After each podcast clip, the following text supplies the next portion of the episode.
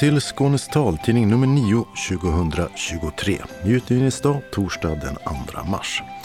Solen går då upp redan klockan 6.57 och ner igen 17.43. I studion Mats Sundling och Birgitta Fredén och tekniker är Martin Holmström. Det här är innehållet. Inflation och låg uppräkning av regionens habiliterings och hjälpmedelsbudget leder till nedskärningar. Det befarar Socialdemokraterna. Pengarna är inte problemet, svarar den ansvariga politikern. Högkostnadsskydd hos optiken och auktorisation av optometristerna. Ja, det kräver Glaukomföreningen när man bjuder in politiker och ögonspecialister till samtal. Dyrtiderna märks i plånboken, tycker synskadade Anna-Lena Päckele i Vittsjö. Vi går och handlar mat och häpnar över priserna. Gärna långkok, men spara inte på belysningen. Tips från en expert om hur du kan få pengarna att räcka längre. Ingen stor synmässa i år. Hjälpmedelsföretagens förening Svensk Syn har lagts ner. Synskadades riksförbunds Skånedistrikt har skaffat en andra ombudsman som framförallt ska syssla med intressepolitik för barn och unga. Öppnat och stängt med sushi, second hand och stadsteater. Evenemangstips med kvinnor, bullar och te. Och kalender med solfest, slottslunch och syntolkningsdag. Anslagstavlan som idag är gemensam för hela Skåne med meddelanden och ändringar i kollektivtrafiken. Och allra sist redaktionsrutan. Det kan bli besparingar i regionens habiliterings och hjälpmedelsverksamhet. Det befarar flera oppositionspartier efter att alliansstyret i den ansvariga nämnden lagt sin internbudget för 2023. Medan det borgerliga styret menar att det inte är pengar som saknas. Socialdemokraten Maria Wharton Stjärnskog är andre vice ordförande för psykiatri, habiliterings och hjälpmedelsnämnden. Allting blir dyrare. Sjukvården är ju inget undantag. Och Sveriges kommuner och regioner såg ett behov av att öka med 3,2 procent för att täcka de här kostnadsökningarna. Dessutom är det ju så att vi blir ju fler och äldre och då behöver man täcka upp för de kostnaderna också. Det brukar vi kalla för demografiuppräkning. Så man kan säga att budgeten både i Region Skåne och vår internbudget i psykiatri, habiliterings och hjälpmedelsnämnden är inte uppräknat tillräckligt för att klara ens de kostnader vi hade förra året. Och om man inte räknar upp då blir det ju i praktiken en nedskärning. Det vill säga man måste spara in på någonting. Den påsen pengar man har räcker inte ens till att göra samma saker som vi gjorde förra året. Och för syn, hörsel och dövverksamheten, blir det nedskärningar på det området, tror du? I och med att man inte räknar upp så blir ju de facto regionbidraget för syn, hörsel, dövverksamheten 2023 i runda slängar 2 miljoner kronor mindre. Så att det är en nedskärning, men det är inte de stora summorna som det kan se ut på pappret. Utan då ska man veta vad som gömmer sig bakom och det är att en del av den här verksamheten flyttas över till en annan nämnd och då följer finansieringen med. Kommer det här att påverka situationen för synskadade, säger de som går till en synmottagning och eh, behöver hjälp med hjälpmedel eller träffa en synpedagog eller liknande? Det har ju inte kommit några konkreta förslag än var de pengarna ska tas ifrån. Så det är lite svårt att säga hur det kommer att påverka. Men vi har ju en farhåga att det kommer att påverka alla patientgrupper.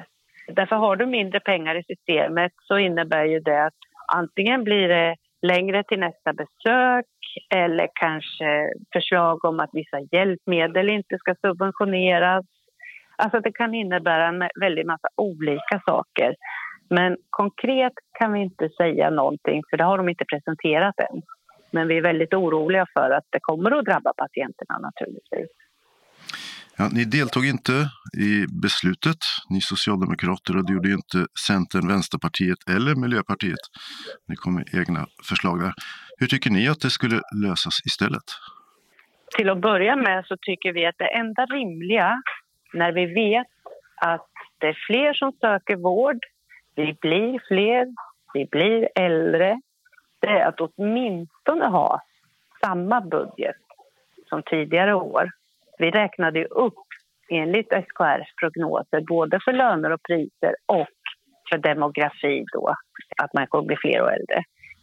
Men om man inte ens gör det, då blir det ju nedskärningar. Och ett sånt beslut vill inte jag delta i, utan då hänvisar ju jag till det förslaget som vi har lagt ifrån Socialdemokraterna.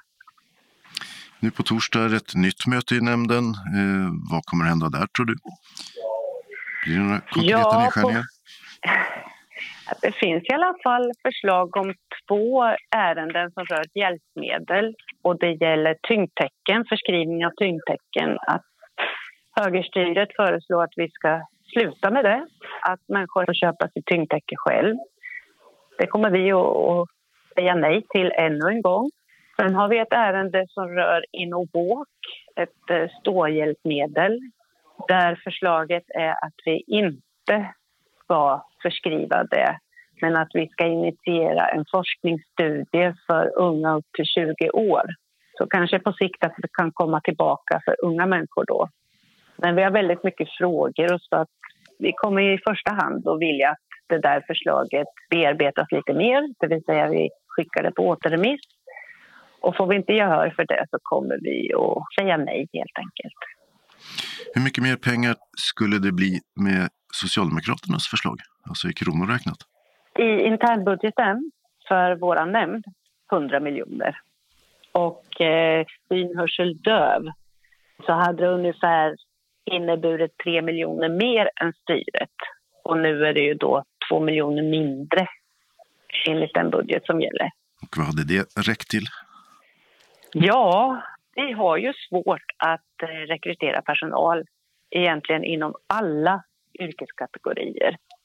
Och nästan alla yrkeskategorier som vi hanterar inom vår facknämnd lyser rött nu.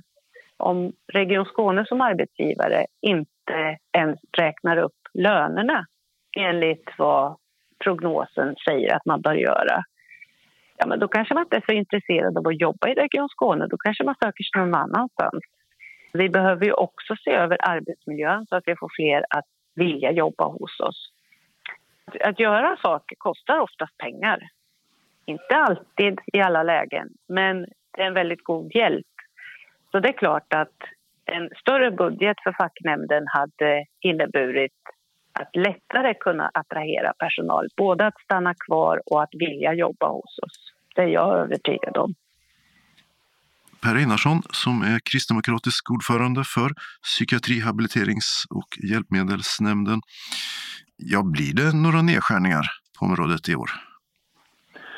Nej, det kan vi inte säga att det blir utan eh, vi eh, håller en linje att här ska vi förbättra verksamhet och vi ska kunna fortsätta med det som vi har idag. Så att jag kallar inte det besparingar i detta läget. Maria Wharton Stjernskog tog upp att internbudgeten ökar med 2,2 procent medan Sveriges kommuner och regioner har talat om att 3,2 behövs för att behålla verksamheten. Och är det mindre än så så blir det nedskärningar per automatik nästan. Vad säger du om det? Ja, vi har ju ett osäkert läge med en eh, lågkonjunktur och med eh, svåra prognoser att sätta. Ökade kostnader för eh, att driva och hålla värme och el och så vidare. Och det vi ser också i de här beräkningarna så är ju att eh, när det blir en inflation så blir det också bekymmer med att täcka in våra pensioner. Vi har gjort en uppräkning centralt när det gäller pensioner så den delen ligger inte med i vår nämnd utan den har lagts centralt. Så att räknar vi in den så har vi faktiskt 4,8 procent i uppräkning. Men inflation och liknande urholkar inte det budgeten? Behövs det inte mer pengar för att driva verksamheten på till exempel syndöv, hörsel, synmottagningar och liknande? Ja, det vi kunde se i prognosen, eh, det var ju delar av detta. Det vi inte kan se, det kommer ju att visa sig om vi har rätt finansiering. Men eh, jag vill ju absolut inte att det ska påverka våra medborgare i Skåne. Det tänker jag att vi får se resultatet om vi har eh, lagt rätt budget eller inte. Förra året gick vi med överskott och vi har gjort det de senaste åren. Så jag har gott mod i detta. Så några nedskärningar på till exempel tilldelningen, förskrivningen av hjälpmedel, det kan du utesluta då? Ja, det ser jag ju att där har vi ju tillsammans med en bra utveckling när det gäller både nya hjälpmedel och det finns hjälpmedel som säkert kan tas bort. Det kan vara att det har skett förbättringar inom ett område. Och visst, mycket har blivit dyrare när det gäller material och så. Men eh, återigen, jag tänker att det här ska inte påverka våra medborgare. Det kan bli bättre produkter och det är väl det vi hoppas. Att vi kan köpa in och fortsätta köpa in goda produkter, säkra produkter. Personalsituationen, och då kanske framförallt då på synområdet, hur ser den ut idag?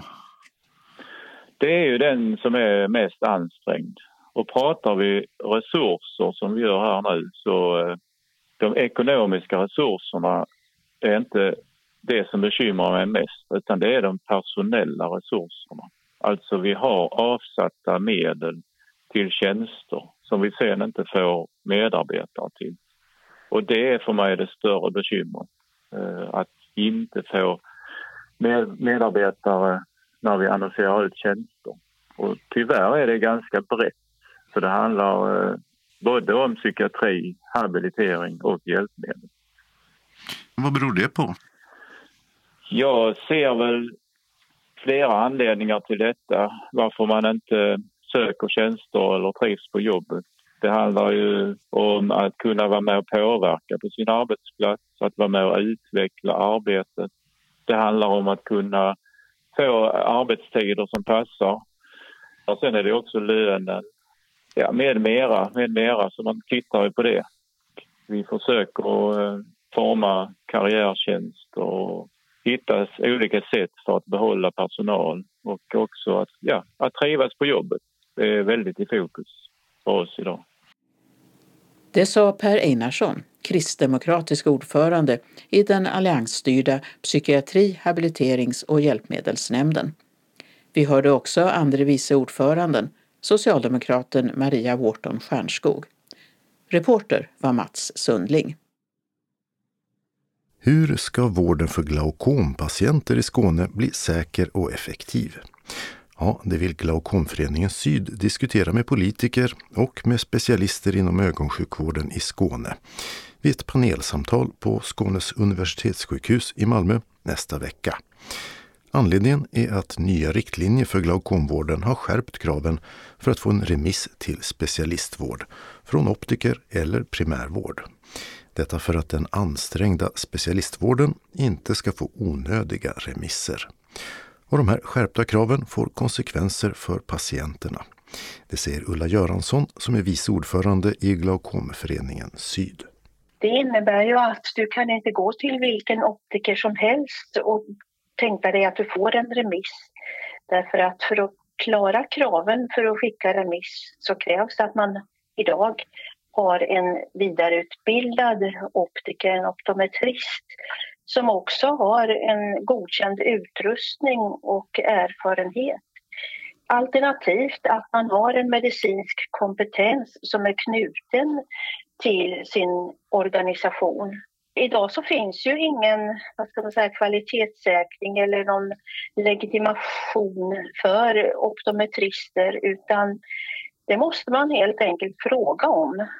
Det här är det ju marknadskrafter och en vinstdrivande marknad som vi eh, lämnas ut till. Och det kan ju vara så att man både vill göra för många eller för få undersökningar. Det, här, det känns väldigt viktigt för oss att eh, det blir någon form av godkännande kvalitetssäkring när det gäller optometristerna.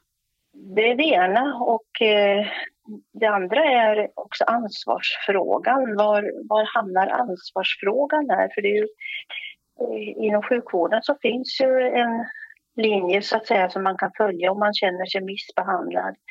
Men eh, där är vi osäkra. Det är något som vi vill ta reda på helt enkelt. En annan konsekvens är ju att eh, de här optiker optometristundersökningarna inte ingår i högkostnadsskyddet. det kan få stora konsekvenser. Det kallas ju friskvård när vi då söker till optometrister. Det är många som inte kommer att kanske ha råd. Idag så kostar en sån utredning ungefär 1000 kronor och i många fall så kan det behövas flera utredningar och undersökningar innan man kan säga att det föreligger risk för glaukom. Och där kan man tillägga då att eh, vissa av oss har ju, är ju så kallad riskgrupp. Men hur ska jag veta om jag tillhör en riskgrupp eller inte och alltså behöver gå flera gånger? Har man diskuterat screening för att få tag i vilka som löper risk att få glaukom? Screening har eh, tagits upp eh, vid flera tillfällen och eh, i de här senaste riktlinjerna så skriver man att eh, screening för glaukom kan bidra till att minska synhandikapp och blindhet. Men det är ännu inte visat att allmän screening är kostnadseffektiv. Och det är där vi står. Så att idag är det alltså inget som vården själva driver eller har planer på. Men tror ni nu att väntetiderna kommer att minska inom glaukomvården med de här ändrade riktlinjerna? Ja, rimligen så bör det ju göra det. Därför att eh, man slipper ju så att säga ett stort antal onödiga remisser enligt sin egen uppgift. Eh, samtidigt så har vi ju en läkarbrist när det gäller ögonläkare och kanske även ögonsjuksköterskor. Så att det handlar ju om hur vården själva hanterar sina resurser här. Kanske tar in flera optometrister i vården. Sen i Skåne så har vi en stor andel privat ögonsjukvård också och det är viktigt att man ser de här två tillsammans för det är den samlade resursen som ska kunna säkra att vi inte får några väntetider framöver. Nu ska ni alltså träffa politiker och ögonspecialister och eh, samtala om eh, glaukomvården i Skåne. Vad vill ni att det ska leda fram till? Ja, vi vill ju att vi ska kunna känna oss trygga när det gäller vilka eh, optometrister vi ska söka till. Att de har adekvat utrustning, att de har godkännande att få ge läkemedel och så vidare. Någon form av auktorisation skulle vi gärna vilja se där. Så att man kan fråga vem ska jag gå till helt enkelt. Vi vill nog ha en diskussion om om inte delar av det här ska ingå i högkostnadsskyddet. Sen vill vi också diskutera hur man kan säkra resursbristen inom ögon i sjukvården hur man satsar på glaukomsjuksköterska, kanske på att anställa flera optiker, optometrister snarare, inom sjukvården också. Det vi också eh, vill eh, ta upp och det är att idag saknas alltså ett nationellt kvalitetsregister inom den här stora gruppen glaukom. Det är ju en folksjukdom. Och eh, vi vill ställa frågan vem eller var drivs den här frågan idag? Men är det här saker som kan åtgärdas liksom av skånska politiker och skånsk sjukvård? Är det inte mer ett riksomfattande frågor? Både och. Talar vi om nationellt kvalitetsregister så är det ju en fråga som finns med i, den, den här, i de här riktlinjerna också. Men eh, Skåne ingår ju i Sveriges kommuner och regioner och eh, någonstans så måste man ju börja driva den frågan. Eh, de andra frågorna är ju något som Skåne själv skulle kunna ta tag i. Eh, till exempel en samarbete mellan sjukvården och godkända optometrister i Skåne. Att på något sätt eh, göra en kontroll över hur många har vi sådana? Det vet vi inte idag. Det sa Ulla Göransson, vice ordförande i Glaukomföreningen Syd. Och panelsamtalet hör vi mer om i anslagstavlan. Reporter var Birgitta Fredén. Med en inflation på nästan 12 procent är det ingen överdrift att säga att vi lever i dyrtider. Dessutom höjs inte pensioner och socialförsäkringar i motsvarande takt, vilket gör att många med synnedsättning drabbas extra hårt. En av alla som märkt av att det blir mindre kvar i plånboken efter veckans matinköp är Anna-Lena Pekkele, ordförande i SRF Norra Skåne. Vi åkte till Vittsjö där hon bor för att följa med på en tur i byns livsmedelsbutik. Kan du kolla vad frallorna kostar? Ostfrallor för det Ostfrallor där, de kostar 3 för 25 men de är slut. Tre, Då har de gått upp 5 kronor. De har gått upp 5 kronor? Ja, Oj! Eh, vad, vad, brukar du? Jag eh, de... köpa chokladmuffins. Det okay. älskar jag. Ja men det har de. 3 för 32. Har de också gått upp då? Oj jösses, de har inte kostat 10 kronor styck lite drygt innan. De har kanske kostat 8. Men vi tar tre då.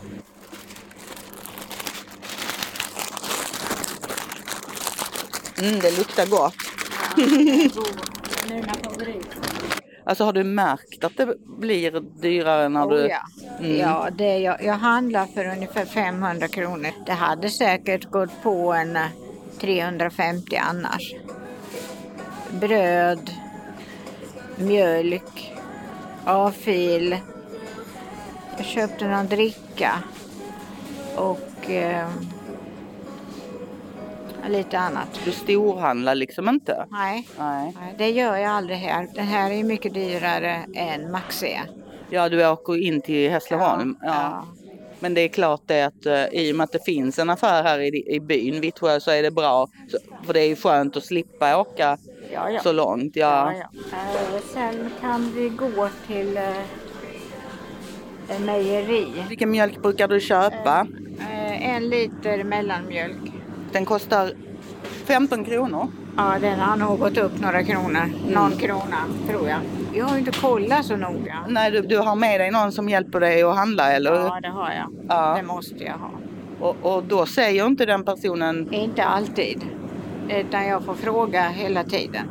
Och det blir man ganska trött på.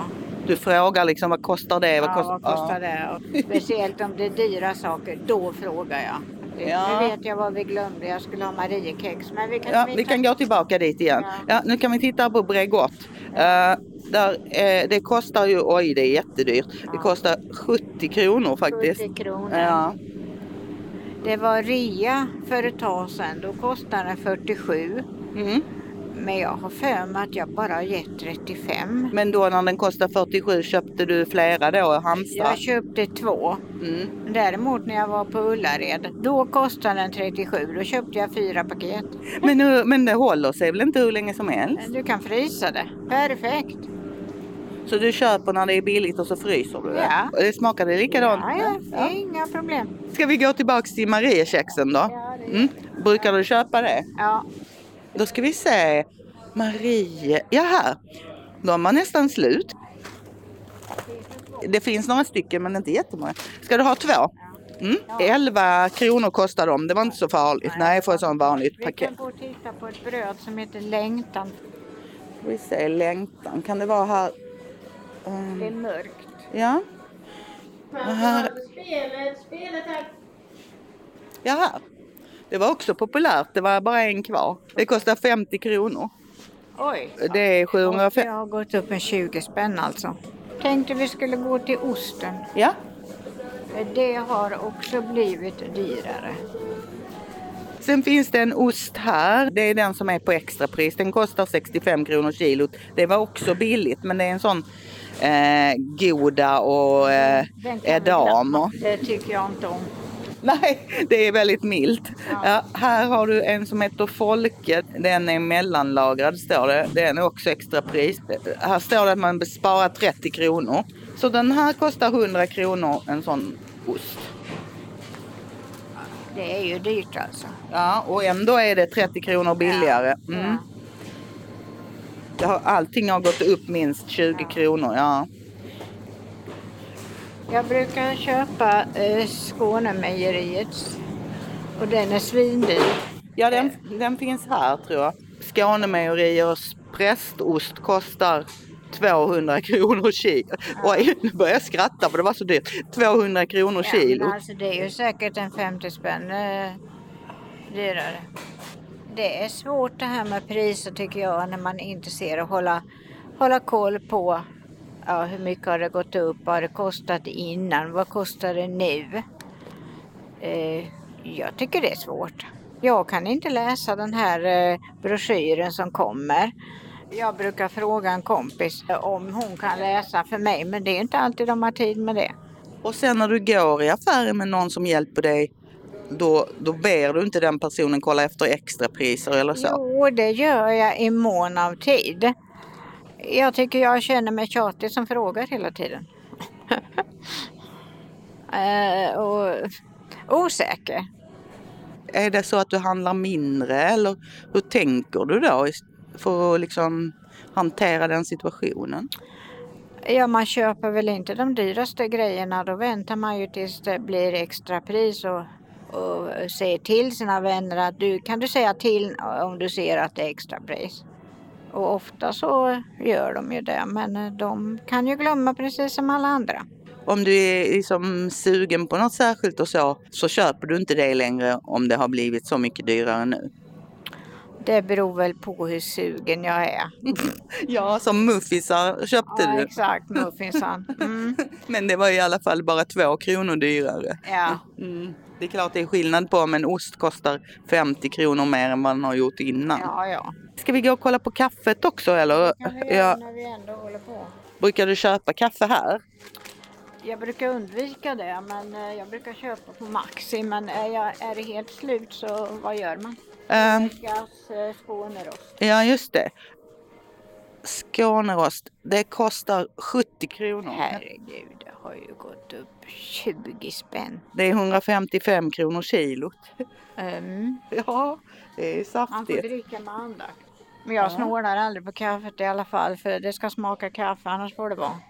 Så, vi, nu står jag lite i vägen här tror jag. Ursäkta. 69, det var inte billigt. Nej, det var verkligen inte billigt. Ja, det var en dam som skulle köpa Skånerost, men hon tog det i alla fall. Ja, vad gör man? Ja. Men man kan köpa eh, en annan sort, sån Arvid Nordqvist kaffe för 2 för 95. Ja. ja, det har jag aldrig smakat så det vet jag inte. Nej. Så, då sätter jag korgen här Anna-Len. Här är muffinsarna. Och då. Hej Anna-Lena. Hej. Hej Anna-Lena. Ja, men hej på dig du. Alltså, jag är inte kompis med den här nya. Men hur gick det? Mm, vad bra. Det blev 54. Ja. Tack för det. Tack ska du ha. Hej. Hej. Ja, nu blev hon glad. Det här är en uh, skylt. Det Just är det. ledarhund tillåten. Ja, det står till och med en ledarhundar välkomna. De är inte bara tillåtna, de är välkomna också. Ja, de är väldigt trevliga och hjälpsamma här faktiskt. Så, nu går vi. När Anna-Lena Pekkele har hämtat sin ledarhund Siv, som väntat tålmodigt i förbutiken, beger vi oss mot det lilla radhuset där de bor för att dricka kaffe och äta dyrköpta muffins. Ja, bra tjejer! Ska vi gå upp med kaffe? Men hur mycket mat handlar du ungefär på en vecka? Det brukar väl bli runt 500. Och innan blev det då 350? Mm. Beroende lite på. När jag storhandlar så var det ju 600-700. Men då köper jag ju toalettpapper och sånt på Maxi. En gång i månaden. Då åker du med någon som ska också handla? Mm. För att här i byn så den affären som finns här är lite dyrare helt enkelt. Det finns större förpackningar på Maxi och det är mer att välja på. Normal veckohandling gör jag här. Allting i samhället har ju blivit dyrare. Och det känns ju. Inte bara för mig utan för många. Har du liksom börjat göra någon annan mat eller liksom göra på något annat sätt för att hålla nere priset? Nej, genom att jag har de matproblemen jag har så har jag ju inte kunnat det. Alltså det är så pass mycket som jag inte kan äta. Så att det har ju varit svårt. Jag får ju helt enkelt köpa det jag tål. För att på grund av din sjukdom så kan inte du äta vad som helst. Nej. Och det är precis de sakerna som du behöver som har Ja, blivit... naturligtvis. Ja, det är lax som jag kan äta. Det är bröd. Det är mejeriprodukter. Ost, fil, smör. Köttfärs. Vad händer om du äter fel så att säga? Eh, jag får ont i magen, jag mår illa och sen så får jag upp det. Och genom att jag äter så pass lite också så har jag väl tur i oturen att jag har inte jättehög matkostnad. Jag är magsäcksopererad så jag äter väldigt lite. Och det är väl min räddning, annars skulle det ha blivit ännu dyrare. Om ni undrar varför det är någon som snarkar så är det min hund som låter. Men har du någon strategi för hur du ska klara dig? Nej. Har jag inte. Jag har funderat men jag har inte kommit på något bra sätt. Jag får väl dra ner på de dyraste grejerna om det skulle bli så pass mycket dyrt och leva på pasta. ja. Det är en pension du har eller? ja, jag har sjukersättning. Har den ökat också? Nej, inte mycket. Inte till vad allting annat har ökat. Men du tycker att det går runt, att du klarar det? Det går runt, men det är väl inte mycket mer. Vad tänker du om det? Ja, jag tycker det är jättedåligt. De pratar om att eh, de ska höja pensionerna för eh, eh, ålderspensionärer, men det har ju inte blivit så mycket det heller. Men för oss eh, då som av någon anledning har fått sjukersättning, eh, så vi får inte någon höjning minsann. Oss pratar de inte om. Men de här politikerna, de kan få minsann eh, en, eh, 90 000 i månaden och mer. Alltså, man blir så förbannad. Rent ut sagt. Det sa Anna-Lena Pekkele, ordförande i SRF Norra Skåne.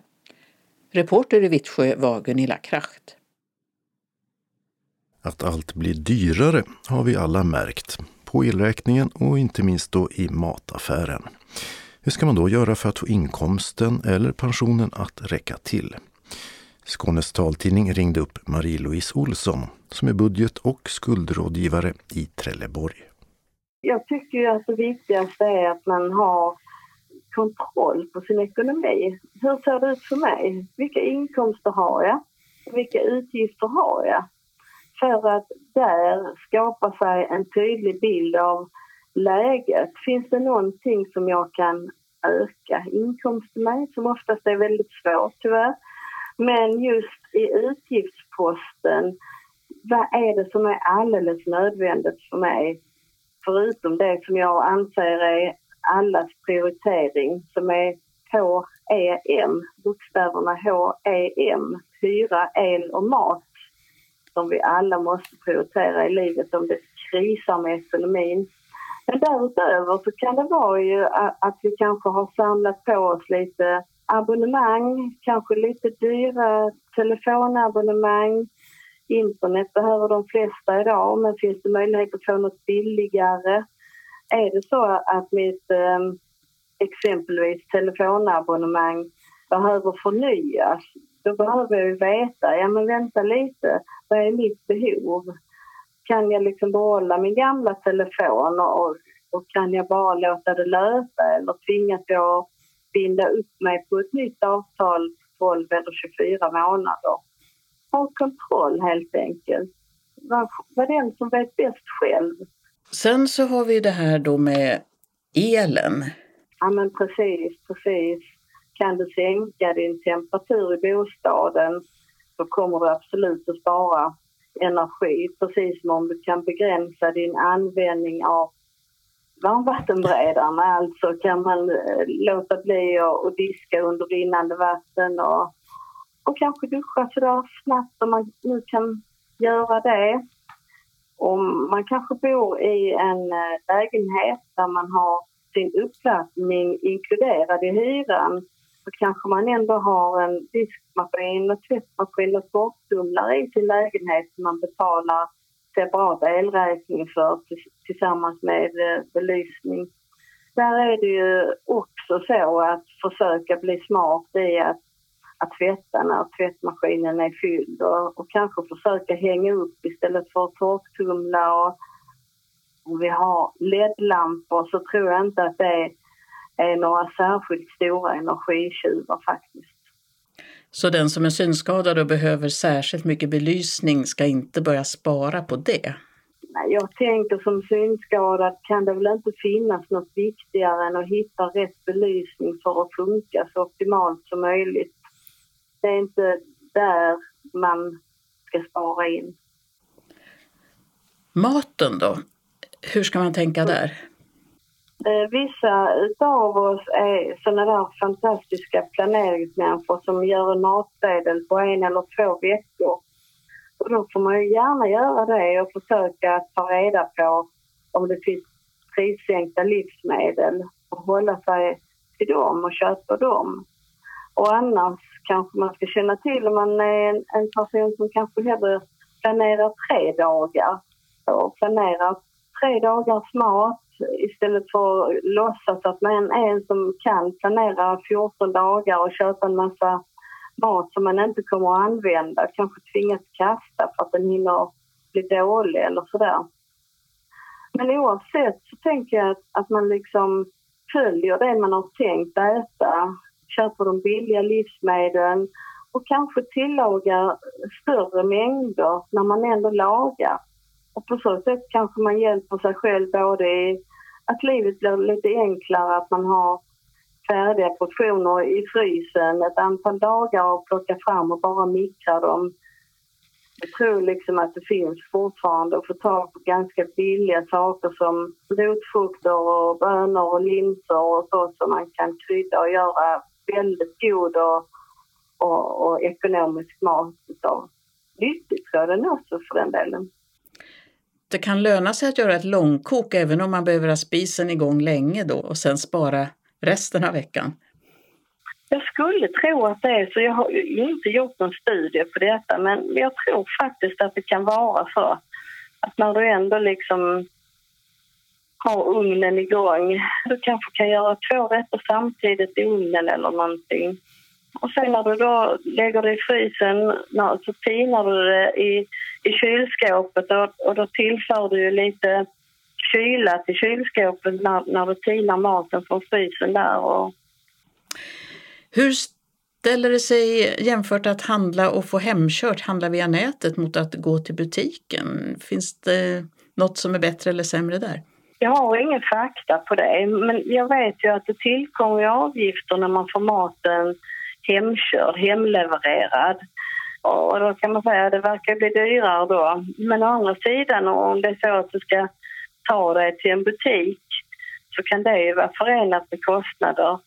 Sen vet jag inte, ibland kanske det kan finnas fördelar som synskadad att ha möjlighet att, att just få handlat det man behöver. Och sen är det väl lite som att går du i en butik så finns det både chansen att du hittar någonting som är särskilt billigt och du kan köpa. Precis som att du kanske lite grann riskerar att, och falla för lockelserna som finns längs vägen när du går i butiken. Och undvik för den delen att gå och handla hungrig. Då, då, blir det, då blir det dyrt. Det tycker jag. Det sa Marie-Louise Olsson, budget och skuldrådgivare i Trelleborg och budget och skuldrådgivare finns i alla kommuner. Reporter var Birgitta Fredén. Det blir ingen synmässa i år där synhjälpmedelsföretagen visar sina produkter för allmänheten och för professionella på till exempel synmottagningarna. Anledningen är att leverantörsföreningen Svensk Syn, som arrangerade mässorna, har lagt ner. I den ingick sedan bildandet 2009 företag som Polar Print, ICAP, Iris Hjälpmedel, LVI med flera. de flesta i branschen. Förutom information och marknadsföring genom bland annat årliga synmässor runt om i landet lobbade föreningen för bättre villkor för branschen, både mot regioner och staten. Svensk Syn skriver på sin hemsida att arbetet skett helt ideellt och har blivit svårt att kombinera med styrelsemedlemmarnas ordinarie arbeten. Samtidigt som det tar lång tid att få igenom förändringar i föreningens frågor. Så på det sista årsmötet beslutade medlemsföretagen enhälligt att avveckla föreningen. Men en liten synmässa blir det i Löddeköpinge i slutet av mars. Två synhjälpmedelsföretag har gått ihop och visar då sina produkter. Mer om det i evenemangstipsen längre fram i tidningen. SRF Skåne har skaffat en ny ombudsman. Och det är Anna Balte som de tre senaste åren arbetat med projektet Skola till arbete. Den 1 mars sadlade hon om till att vara anställd som ombudsman med intressepolitik för synskadade som arbetsområde. Och hennes blir framförallt frågor som rör yngre och deras föräldrar. Mitt arbete kommer ju främst att inrikta sig på barn och ungdom. För att det är ett fokus som vi kanske inte alltid har kunnat ha resurser att ha så mycket i intressepolitiken. Så att eh, jag kommer jag ha kontakt med föräldrar och barn och ungdomarna och se vilka frågor de tycker är viktiga att driva. Det kan ju handla om påverkan gentemot hur situationen i skolan fungerar eller fritidsaktiviteter för barn och ungdomar, hur det fungerar med tillgänglighet där och även förhoppningsvis kunna vara ett stöd för föräldrar som kanske undrar vart man kan vända sig för att eh, söka hjälp eller för att veta vilka rättigheter man har och så. Så där kan jag vara ett stöd. Sen kommer jag ju självklart också att jobba med de frågor som hela SRF Skåne jobbar med. Alltså kommer sitta med i de regionala funktionshindersrådet och eh, ja, jobba med rehabilitering, färdtjänst, kollektivtrafik och sådär. Så att jag kommer ju att kunna vara med ute i lokalföreningarna också när det behövs hjälp i påverkansarbetet. Och hur känns det att eh, jobba med de här frågorna och ha den här typen av arbete tycker du? Nej men det känns jätteroligt. Jag eh, har ju som sagt jobbat med mitt arvsfondsprojekt Skola till arbete eh, under tre år nu och delvis, en del av frågorna har ju funnits med redan där och eh, jag har ju varit aktiv i distriktet länge och vet vilka, och har, koll, har rätt så bra koll på frågorna och det är ju det är ju frågor som berör mig som synskadad Eh, och alla andra synskadade väldigt mycket. Eh, så jag tycker det är ett jätteintressant och givande arbete och ser verkligen fram emot det. Och pengarna för att SRF Skånedistriktet utöver ombudsmannen Henrik Eld ska ha råd med att anställa en till ombudsman kommer bland annat från ett arv. Och Anna Balte, som är 37 år, är själv gravt synskadad. Hon ser ljus och mörker samt lite konturer. Och växte upp det gjorde hon i Ulricehamn i Västergötland, men flyttade för sex år sedan ner till Osby, där hennes man kommer ifrån. Anna är utbildad socionom och har arbetat bland annat som socialsekreterare på Borås stad och i Osby kommun. Och under många år så har hon också haft förtroendeuppdrag inom unga med synnedsättning, både på distrikts och riksnivå. Och Anna Balte hinner på sin fritid också med att läsa böcker och främst då punktskriftsböcker, sjunga i kör och hon gillar också att kolla på frågesportprogram samt umgås med vänner bland mycket annat. Och när det gäller hennes nya arbete inom SRF-distriktet så är det några frågor som hon framförallt tycker behöver tas tag i. Jag vet att SRF Skåne tidigare har haft träffar för elevassistenter där de fick träffas och utbyta erfarenheter och så. Och jag tror att det skulle vara bra att de också får träffa någon som är vuxen och synskadad och få prata om det här med hur man kan ja, göra sig själv lite mindre behövd som elevassistent. Alltså att finnas lagom mycket för sina elever. Det, för det är lätt både som förälder och som assistent till ett synskadat barn att man kanske curlar och överbeskyddar och hjälper till lite för mycket. Så där skulle jag vilja kanske förmedla en, ja men på något sätt någon slags inställning eller diskussion om hur man kan anpassa kraven lite grann och faktiskt lära de synskadade barnen att bli självständiga individer och låta dem ja, men, få se att de klarar mer än vad man kanske tror. Och det kanske också gör att det är lättare att få kompisar om man inte har en elevassistent eh, som, som sällskap. Ja, men precis. Det är lättare att få kompisar och man får kanske ett högre självförtroende. Ja, men man får liksom, elevassistenten ska finnas i bakgrunden men inte ta över för mycket utan låta det synskadade barnet prova själv och ja, men hänga med de andra i klassen. Men, och så finns man mer i bakgrunden som ett stöd när det behövs liksom. Kommer du själv ihåg hur det var att ha elevassistent när du var i typ tonåren eller så? Ja, nu hade jag ju visserligen turen att jag hade väldigt, alltså assistenter som jag trivdes ganska bra ihop med. Men jag vet ändå att jag tyckte det var lite irriterande att ha en extra person där. Det var rätt skönt att få, när de liksom kanske var iväg och gjorde något annat eller tog ett steg tillbaka och man faktiskt bara fick hänga med alla andra. Så de behövs men de ska ändå liksom hålla sig på avstånd. Ja men precis, de kan behövas ibland i vissa praktiska situationer där man kanske behöver syntolkning eller man behöver ha material producerat i tillgängligt format eller så. Men de behöver inte finnas vid en sida konstant. Och när det gäller föräldrar och så, hur tänker du där? Ja, det är lite samma sak där egentligen att föräldrar måste också våga släppa taget liksom. Det, det är jättesvårt som förälder, det vet jag ju, men eh, man måste någonstans inse när det synskadade barnet blir tonåring så måste man våga ja, men låta barnet prova sina vingar eller vad man ska säga och inte, inte curla för mycket. Som förälder ska man ställa samma krav på sitt synskadade barn, eller liknande krav på sitt synskadade barn som man gör på ett seende syskon till exempel när det gäller att hjälpa till hemma eller och, samma, och även att man får samma frihet att gå ut med kompisar som man skulle fått om, man, om det var ett seende barn. För att det synskadade barnet blir inte hjälpt av att man curlar och överbeskyddar för mycket. För det ska ju ändå bli en, en vuxen individ så småningom. Men eh, ja, det är lättare sagt än gjort. Men eh, det är en viktig fråga som jag hoppas i alla fall kunna men, väcka en diskussion om. Det sa Anna Balte, som alltså är ny ombudsman för SRF Skåne med inriktning mot frågor som rör barn och ungdomar. Reporter var Åsa Kjellman Erisi. Öppnat och stängt. Malmö stadsteater, eller HIP kallad, har nyinvigts och öppnat igen efter en större modernisering och renovering av det 120 år gamla huset. Bland annat har scenen flyttats till en plats under takkupolen som är 19 meter hög och det för att få en bättre akustik. Foajén är ny med en bar. En handikapphiss finns. I källaren finns nybyggda toaletter och längre upp också ett helt nytt café. Och i Malmö invigdes i veckan också det nya Rosengårdsbiblioteket som är 2000 kvadratmeter på tre våningar är dubbelt så stort som det gamla. Första våningen är avsedd för snabba ärenden, den andra för barn och unga och den tredje har flexibla rum för till exempel språkcaféer. Biblioteket ligger i Rosengård centrum på Dicksonsväg 6.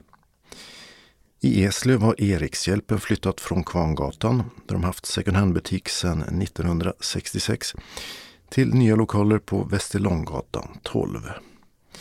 I Landskrona har köttkrogen Blackstone Steakhouse i rådhuset stängt på grund av för få gäster. I Lund har restaurangen The Alley Cat öppnat på Lilla Gråbrödersgatan 2. Där serveras fransk mat i klassisk stil och inredningen går i art déco-stil med speglar och strutsfjäderlampor. I lokalerna låg tidigare spanska krogen Pinchos i fem år och innan dess bland andra Julius Platthandel. I Kävlinge har sushi-restaurangen Sugoi hamnat bakom ett byggstängsel och stängt i väntan på att gästerna ska kunna komma in. För det byggs rejält vid Östra stationstorget där det ligger. I Östra Ljungby har kommunen stoppat den pågående renoveringen av friluftsbadet eftersom kostnaderna skenat. Istället läggs badet ner och öppnar då alltså aldrig mer igen. Evenemangstipsen inleder vi med en syntolkad film. Kung Carl Gustaf har ju haft ämbetet i 50 år nu och det uppmärksammas i många filmer och tv-program. Långfilmen Kungen av journalisten Karin af Klintberg hade biopremiär förra veckan och till den kan man ladda ner syntolkning och uppläst text från Movietalk. Iris hjälpmedel och Insyn Skandinavia visar nya hjälpmedel och arbetsplatsanpassningar tisdagen den 28 mars klockan 13-17 på Jour Hotel by Best Western Dals på Marknadsvägen 1 i Löddeköpinge. Anmälan görs senast den 21 mars på telefon 08 39 91 31 eller info insyn.se. Riksspelmännen Anna Rynefors och Miriam Andersén lyfter i sitt program Skånska spelkvinnor fram kvinnliga musikutövare som de hittat i arkiv och samlingar. De berättar och spelar låtarna och dessutom egna kompositioner. I Kulturkvarteret Kristianstad lördagen den 4 mars klockan 18. Järnvägsmuseet i Ängelholm fyller 25 år i år. Firandet inleds på lördag den 4 mars med en jubileumskonsert med tågtema i museets café klockan 11.30. Man behöver inte betala inträde till museet för att besöka kaféet. På internationella kvinnodagen, onsdagen den 8 mars klockan 19, håller Johan Brink en gratis föreläsning om Ängelholmskvinnor i historien i museets hörsal. På Eslövs stadsbibliotek kan man lära känna den brittiska författaren Jane Austen över en kopp afternoon tea lördagen den 4 mars klockan 12 till 14. Det blir högläsning, musikhistoria, historiska fakta och musik. Inträde 30 kronor och då ingår te och skons. Kan du skilja sanning från lögn? På lördag den 4 mars klockan 14 till 16 kan du testa i Lunds stadshall. Två muntliga berättare, Helena Heyman och Kristina Strömvall, berättar en sann och en lögnaktig historia var och det är upp till publiken att avgöra vad som är vad. Inträde 75 kronor som betalas vid entrén. Man går in från Vårfrugatan via restaurangtorgets bakficka. Eva-Gun Westford, som varit polis i 45 år, kommer till måndagsträffen i Torns nya församlingsgård på Vallkärravägen 14 i Stångby den 6 mars klockan 14 till 16. Förutom att hon berättar om sitt liv och arbete ger hon också sina bästa tips om hur man kan skydda sig från bedrägerier. Fri entré, ingen föranmälan, fika till självkostnadspris. Författaren Amat Levin kommer till Eslövs folkhögskola för ett samtal om sin Augustprisnominerade bok Svart historia tisdagen den 7 mars klockan 11 till 12. Boken ger en mångfacetterad bild av Afrikas och svarta människors historia. Det är gratis, men plats måste bokas på 0413 663 00.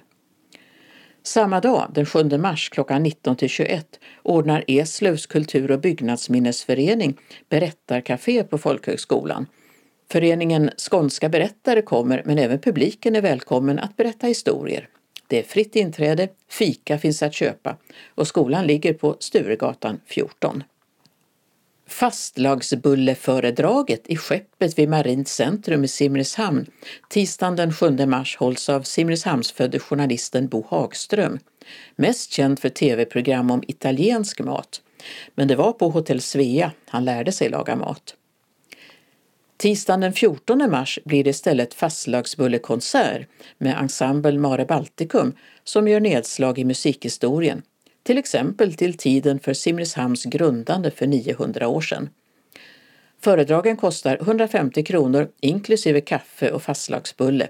Betalas med swish på plats, hålls mellan 14 och 15.30 och föranmälan görs på osterlens.museum simrishamn.se.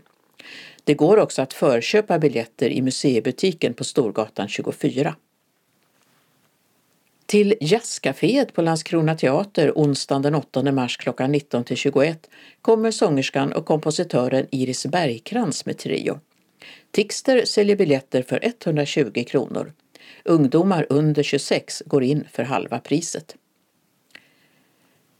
Internationella kvinnodagen den 8 mars uppmärksammas på biblioteket i Båstad med en föreläsning om Fredrika Bremer. Det är resejournalisten Per J Andersson som berättar om hennes Amerikaresa 1849 som starkt kom att påverka hennes syn på samhället. Tiden är 18 till 20, det är fri entré, men föranmälan krävs till biblioteket. Vad visste européerna som utvandrade till Amerika om de amerikanska urfolken? Och vad hände när de kom fram och mötte verkligheten? Om det berättar Gunlög Fur, professor i historia vid Linnéuniversitetet, på Trelleborgs bibliotek torsdagen den 9 mars klockan 12. Det är fri entré men man måste föranmäla sig till biblioteket. Reportern och programledaren Ann-Britt Ryd Pettersson berättar om sitt liv på Sveriges Television och om public service viktiga roll i samhället i Bokcaféet på Vellinge bibliotek torsdagen den 9 mars klockan 18 till 19. Biljetter för 100 kronor inkluderar kaffe och kaka. En bukett melodier och även gamla skämt från förra århundradet framförs av orkestern Tre decennier på Good Morning Hotel Helsingborg fredagen den 10 mars klockan 20 till 22. Gästartist är Lill Lindfors som valt ut några melodier hon kommer att avbryta orkestern med under kvällen. Biljetterna kostar 295 kronor. För mer information ring 072 23 07 225. Biljettinformation Tixter 0771 47 70 70 Kulturkvarteret i Kristianstad 0709 20 58 04 Trelleborgs bibliotek 0410 733180 Kalendern för vecka 10 börjar med måndagen den 10 mars då Ebba och Ebbe har namnsdag. Som en del av det svenska EU-ordförandeskapet inleder socialminister Jakob Forssmed ett tvådagars så kallat högnivåmöte i Stockholm om antimikrobiell resistens. Det vill säga hur vi ska få tillgång till antibiotika för att behandla infektioner även i framtiden. Även kronprinsessparet deltar. Inom judendomen inleds den glada festen Purim som firas till minne av hur drottning Ester räddade judarna från förintelse i Persien. Skådespelerskan Eva Bysing fyller 80 år och sångerskan Agnes Karlsson fyller 35. Tisdagen den 7 mars firar vi Camilla. I den lilla östaten Mikronesiska federationen i Stilla havet med cirka 100 000 invånare och 600 öar hålls val till de 14 platserna i kongressen. Onsdagen den 8 mars är den internationella kvinnodagen. Den instiftades 1910 av den socialistiska Andra internationalen och för 45 år sedan, 1978, togs den med på FNs lista över högtidsdagar. Dagen ska fokusera på kampen för kvinnors lika rättigheter och de orättvisor som finns i samhället. Riksdagen tar upp alla de 37 motioner om kollektivtrafik som kommit in under den allmänna motionstiden. Till exempel motionerade kristdemokraten Larry Söder om att synskadade ska ha rätt till färdtjänst. Trafikutskottet konstaterar att Trafikanalys redan fått i uppdrag att kartlägga hur det ser ut med färdtjänsttillstånden för personer med synnedsättning och föreslår att den motionen, liksom alla de andra kollektivtrafikmotionerna, ska avslås. Om vädret är klart idag i Longyearbyen på Svalbard kommer de första solstrålarna efter polarnatten att nå över berget och fram till trappan på det äldsta sjukhuset i stan. Detta firas med en veckolång solfest, oavsett om det faktiskt är soligt eller inte. Det vanligaste är att solfesten får firas utan sol. Advokaten och författaren Leif Silbersky fyller 85 år. Saga och Siv har namnsdag. Torsdagen den 9 mars har Torbjörn och Torleif namnsdag. Komikern och radioprataren Annika Lantz fyller 55 år. För 50 år sedan röstade nordirländarna för att stanna kvar som en del av Storbritannien. Tilläggas ska att en del av den katolska oppositionen, som hellre ville ha ett enat Irland, valde att bojkotta omröstningen. Fredagen den 10 mars firar Edla och Ada namnsdag. Den yazidiska människorättsaktivisten Nadia Murad fyller 30 år. 2018 fick hon tillsammans med den kongolesiska läkaren Denis Mukwege Nobels fredspris för sitt arbete mot sexuellt våld som vapen i krig och konflikter. EU-nämnden sammanträder för att förbereda EU-möten om sysselsättning, socialpolitik och hälso och sjukvård samt om ekonomi och om miljöpolitik den kommande veckan. Och det är dags för den traditionsenliga avtackningslunchen för den tidigare regeringen på slottet med hela kungafamiljen närvarande. Lördagen den 11 mars högtidlighåller EU minnesdagen för terrorismens offer. Det är årsdagen av terrorrådet i Madrids tunnelbana 2004 som dödade över 190 personer och skadade 1800. För tre år sedan inträffade det första dödsfallet i covid-19 i Sverige och samma dag klassade WHO, Världshälsoorganisationen, covid-19 som en pandemi. Edvin och Egon har namnsdag. Söndagen den 12 mars hissar vi flaggorna för alla Victoria och Regina. För 60 år sedan utropades republiken Jämtland av Yngve Gamlin. Republiken har egen flagga, blå, vit och grön, eget språk, egen nationalsång och musikfestivalen Storsjöyran. Republiken kom till som en protest mot 50 och 60-talens regionalpolitik som jämtarna ansåg ledde till att landskapet avfolkades. Efter Yngve Gamlin har Moltas Eriksson, Evert Ljusberg och nu Eva Röse innehaft presidentposten. Det är Världsglaukomdagen och den nationella syntolkningsdagen som synliggör vad syntolkning innebär och lyfter fram syntolkens arbete. Det kommer också att delas ut ett pris till Sveriges tillgängligaste arena. Malmö Opera fick det första tillgänglighetspriset 2017. Malmö stadsteater var tillgängligast 2019.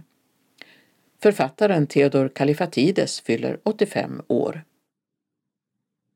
Anslagstavlans regionala del börjar med att Glaukomföreningen Syd bjuder in till panelsamtal tisdag den 7 mars om hur utveckla en säker och effektiv glaukomvård i Skåne. Detta klockan 16.15 till 19.15 inklusive paus i jubileumsaulan på Skånes universitetssjukhus i Malmö. Adressen är Jan Waldenströms gata 1.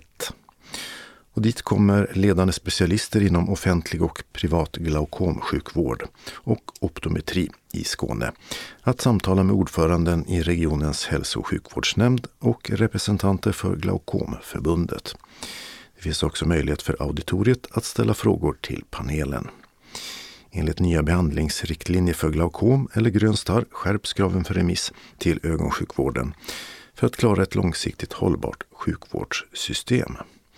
Personer med ringa risk att utveckla glaukom kontrolleras utanför ögonsjukvården med benämningen friskvård, det vill säga idag utan högkostnadsskydd.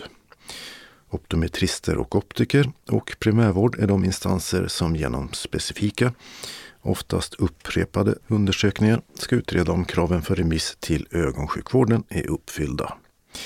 Det är fri entré men obligatorisk anmälan så snart som möjligt och senast den 6 mars till e-postadressen syd glaukomforbundet.se eller per telefon till Karin Kristensson 070-220 6103 eller till Alf Gustafsson 070 545 43 53. SRF Malmö Svedala bjuder in till syntolkad teater och föreställningen Kebaben på skäret på Intiman i Malmö. Medlemmar från andra delar av Skåne är också välkomna. Vi har förbokat ett begränsat antal biljetter. Föreställningen är torsdag den 27 april. Samling klockan 18.15 på Intiman. Adress Östra Rönneholmsvägen 22 i Malmö. Priset är 270 kronor och betalning sker till bankgiro 192-9645 eller med swish till 123 077 80 50 senast den 31 mars. Skriv teater och namnet på deltagaren vid betalningen. Och biljetterna delas ut på plats. Handlingen Snabbmat, drömmar och osande osämja. Kungsskärets kebab är ett populärt snabbmatsställe i ett nybyggt område vid vattnet. Ett ställe att slinka in på där alla känner alla och har koll på om du ska ha stark eller mild sås. Men snart lockar den där hemtrevliga känslan folk från både när och fjärran. De boende börjar klaga. Är det verkligen så bra att ha ett kebabställe i ett fräscht nybyggt område? Blir det inte för mycket matos? Tro det eller ej så bygger den här historien på en verklig händelse där kebaben står i centrum. Föreställningen börjar klockan 19 och varar inklusive paus i 2 timmar och 30 minuter.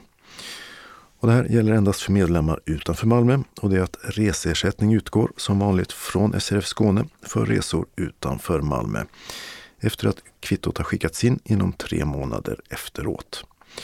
Anmäl dig till kansliet på telefon 040-25 05 40 eller mejla info srfmalmo.se senast fredag den 17 mars klockan 12.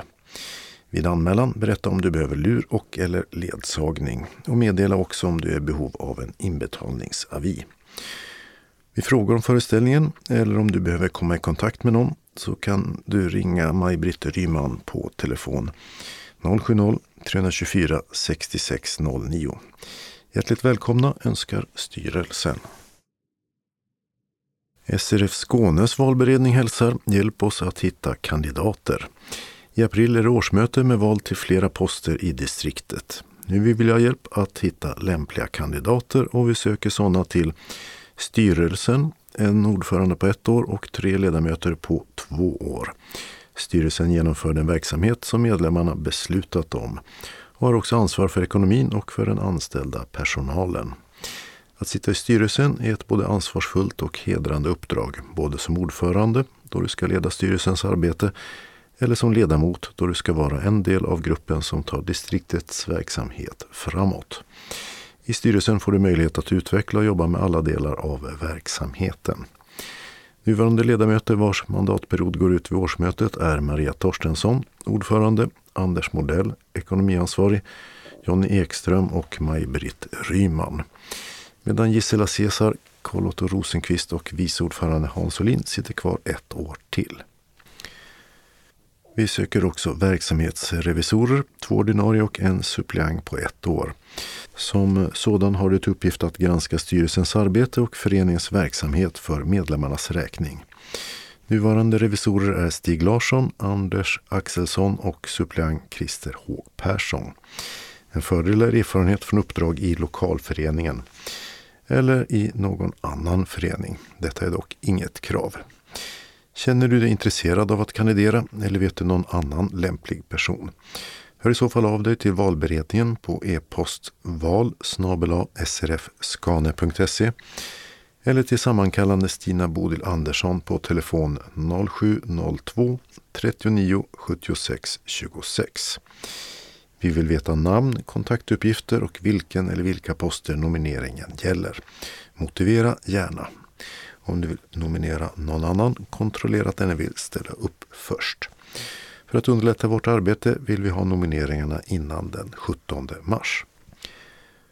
Och ju fler kandidater vi får in, desto bättre förutsättningar till ett bra jobb. Så sprid budskapet till alla så kan vi tillsammans fortsätta bygga ett distrikt att vara stolta över. Till dig som kandiderar till styrelsen, eftersom föreningar som har lönebidragsanställda måste kontrollera att kandidaterna inte har näringsförbud eller skatteskulder kommer en sån kontroll att göras av SRF Skånes kansli. Och det är en förutsättning för att du ska bli valbar. Med vänliga hälsningar valberedningen och Stina Bodil Andersson. Sammankallande Fredrik Andersson, Torbjörn Sjörén och Eva Oster. Den lokala delen av anslagstavlan är idag gemensam för hela Skåne och innehåller inbjudningar, ett referat och ändringar i kollektivtrafiken. SRF Lundabygden bjuder först in till Seniorshoppen. Torsdag den 16 mars klockan 11 kommer Carita från Seniorshoppen med vårens och sommarens mode. Hon har kläder i de flesta storlekar, underkläder, ytterplagg, byxor, kjolar, blusar och toppar. Både för vardag och fest. Och hon har även kläder för honom. Ta tillfället i akt och ekipera dig i lugn och ro med den hjälp du behöver. För att Carita ska kunna erbjuda alla en så bra service som möjligt så är det max två personer i shoppen samtidigt som gäller. Under tiden äter vi andra en god sallad och för den som önskar så finns det vin till självkostnadspris. Carita håller öppet så länge medlemmarna önskar men vi räknar med att hålla på till cirka klockan 16 eller 17. Du anmäler dig till kansliet på 046 211 0674. Och sista anmälningsdag är den 9 mars. Varmt välkommen! SRF Malmö Svedala börjar med att välkomna till dagverksamheten. Måndag den 6 mars klockan 13 till 15 träffas vi och umgås med lite fika och diskuterar aktuella nyheter samt läser lite ur tidskrifter. Ibland hinner vi också med frågesport. Och tisdag den 7 mars klockan 13 till 15.15 .15 blir det bingo. Vi serverar kaffe och smörgås eller kaka för 10 kronor.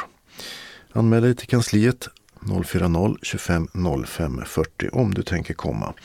Senast klockan 10 samma dag.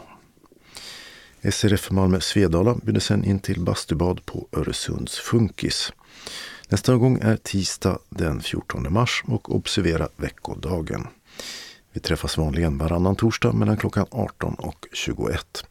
Vi badar bastu tillsammans och de som är modiga nog tar ett dopp. Du tar själv med dig det du anser att du behöver under kvällen. Badtofflor är bra för oss som tänker oss ut i sundet. Och det kommer att vara gemensam bastu.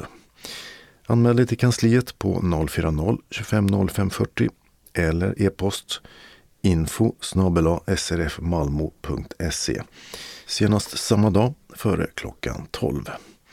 Och du kan ringa Maj-Britt 070-324 6609 om du har frågor eller fått förhinder. Välkomna hälsar styrelsen. SRF Västra Skåne bjuder in till onsdagsträffen den 8 mars klockan 13 till 15.30 i SRF-lokalen på Vaktgatan 3 i Helsingborg. Äntligen är det dags för bingo. Brickorna kostar 10 kronor styck och fikat 30 kronor. Om du inte står på den fasta listan och vill fika eh, är sista anmälningsdag tisdag den 7 mars klockan 12 till kansliet. Telefon 042 15 83 93 eller e-posta srfvastraskane srf.nu. Du behöver bara meddela om du inte kan komma om du står på den fasta listan. Välkommen! SRF Västra Skåne kallar också till årsmöte tisdag den 14 mars klockan 14 till 16.15 i SRFs lokal på Vaktgatan 3 i Helsingborg. Det blir sedvanliga årsmötesförhandlingar och du anmäler dig till kansliet senast fredag den 10 mars klockan 12 om du inte står på den fasta listan. Glöm inte att meddela om du inte kan komma och meddela eventuella allergier eftersom föreningen bjuder på landgång. Fikaavgiften är 30 kronor. Välkommen!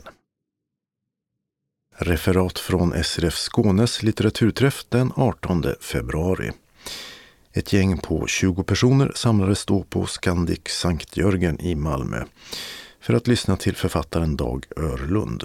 Han har bland annat skrivit böckerna om psykopaten Kristoffer Silverbjälke och böckerna om kommissarie Evert Trut och hans kollegor vid Stockholmspolisen. Dag Örlund började med att berätta lite om sin bakgrund, att han jobbat som journalist på diverse tidningar som Mitt livs novell och FIB Aktuellt. Han berättade om hur han sedermera började skriva och hur han fick en förfrågan från den danske författaren Dan Butler om att skriva om Silverbjälke. Om vilket arbete som ligger bakom, vilka människor han intervjuat, brandmän, tekniker på NFC, alltså Nationellt forensiskt centrum i Linköping, det som förut hette Statens kriminaltekniska laboratorium. Dag berättade att han lärt sig mycket om till exempel vad psykopati innebär för att kunna skriva sina böcker på ett trovärdigt sätt och inte bara sitta och gissa. Han berättade också en hel del om sina kontakter med poliser. Och en annan författare vid namn Diamant Salihu som skrivit boken Tills alla dör. Och som handlar om den organiserade brottslighet som vi idag hör och ser rapporteras om i media varje dag. Dag Örlund pratade också en hel del om detta och varför det sker och hur det går till. Han jobbade i USA i två år när han var yngre och att den organiserade brottsligheten såg ut ungefär som det gör här nu. Efter föreläsningen och avtackningar av ledsagare och Dag Örlund som fick två askar emser och en flaska whisky så fanns det möjlighet att köpa några av hans böcker. Undertecknades ledarhund fick också en kel och mysstund med Örlund, vilket han propsade på att få. Det var en mycket lyckad litteraturträff. Vid tangentbordet Ann-Sofie Karlsson. Vi avslutar med några tillfälliga ändringar i kollektivtrafiken och vi börjar med tågen. Pågatågen mellan Hässleholm och Åstorp är inställda måndag 6 mars efter klockan 20.30 och sen hela natten. Och sen efter samma klockslag, den 7 till och med 9 mars, så är tågen inställda mellan Hässleholm och Bjuv. Bussar ersätter. Och bussarna så, i Dalby har ett arbete på Malmövägen förlängts. Och det får regionbussarna 161 och 162 att ta en annan väg ett tag till. Hållplatsen Prästgården ska nu vara stängd till den 5 april klockan 16 och ersätts under tiden av Dalby busstation som ligger drygt 300 meter åt sydost. I Osby arbetar man på Marklundavägen och regionbuss 539 hållplats Osby vårdcentral är stängd. Fram till den 10 mars klockan 15 ersätter en tillfällig hållplats cirka 700 meter västerut på Kyrkogatan. Eller så kan man använda den ordinarie hållplatsen Kolsvedsvägen som ligger ungefär lika långt åt nordost. I Landskrona är stadsbussarna 1, 2 och 5 hållplats Landskrona teatern, läge AB, stängd. Och en tillfällig ersättning finns fram till den 24 mars klockan 16 ute på Österleden, cirka 300 meter åt sydost. I Helsingborg har stadsbuss 4 fått ta en annan väg och hållplatsen Västra Berga skola är stängd i bägge riktningar. Fram till den 10 mars klockan 16 ersätter en tillfällig hållplats cirka 50 meter söderut på Kadettgatan. I Lund har man börjat gräva på Vallkäravägen där stadsbuss 21 hållplats Bärnstensvägen läge A har flyttats 30 meter framåt. Och där ska den vara till den 3 april klockan 16. Och med det beskedet var det dags att sätta punkt för veckans Skånes taltidning. Nästa nummer nästa torsdag den 9 mars. Skånes taltidning ges ut av Region Skånes psykiatri och habiliteringsförvaltning. Ansvarig utgivare är Martin Holmström. Postadress Jörgen Ankersgatan 12, 211 45 Malmö. Telefon 040-673 0970. E-post Skanes taltidning snabela skane.se och hemsida skanestaltidning.se. Observera att CD-skivorna inte ska skickas tillbaka till oss. Såväl skivor som kuvert kan läggas i brännbara sopor när ni inte längre vill ha dem. Vi hörs igen. Hej då!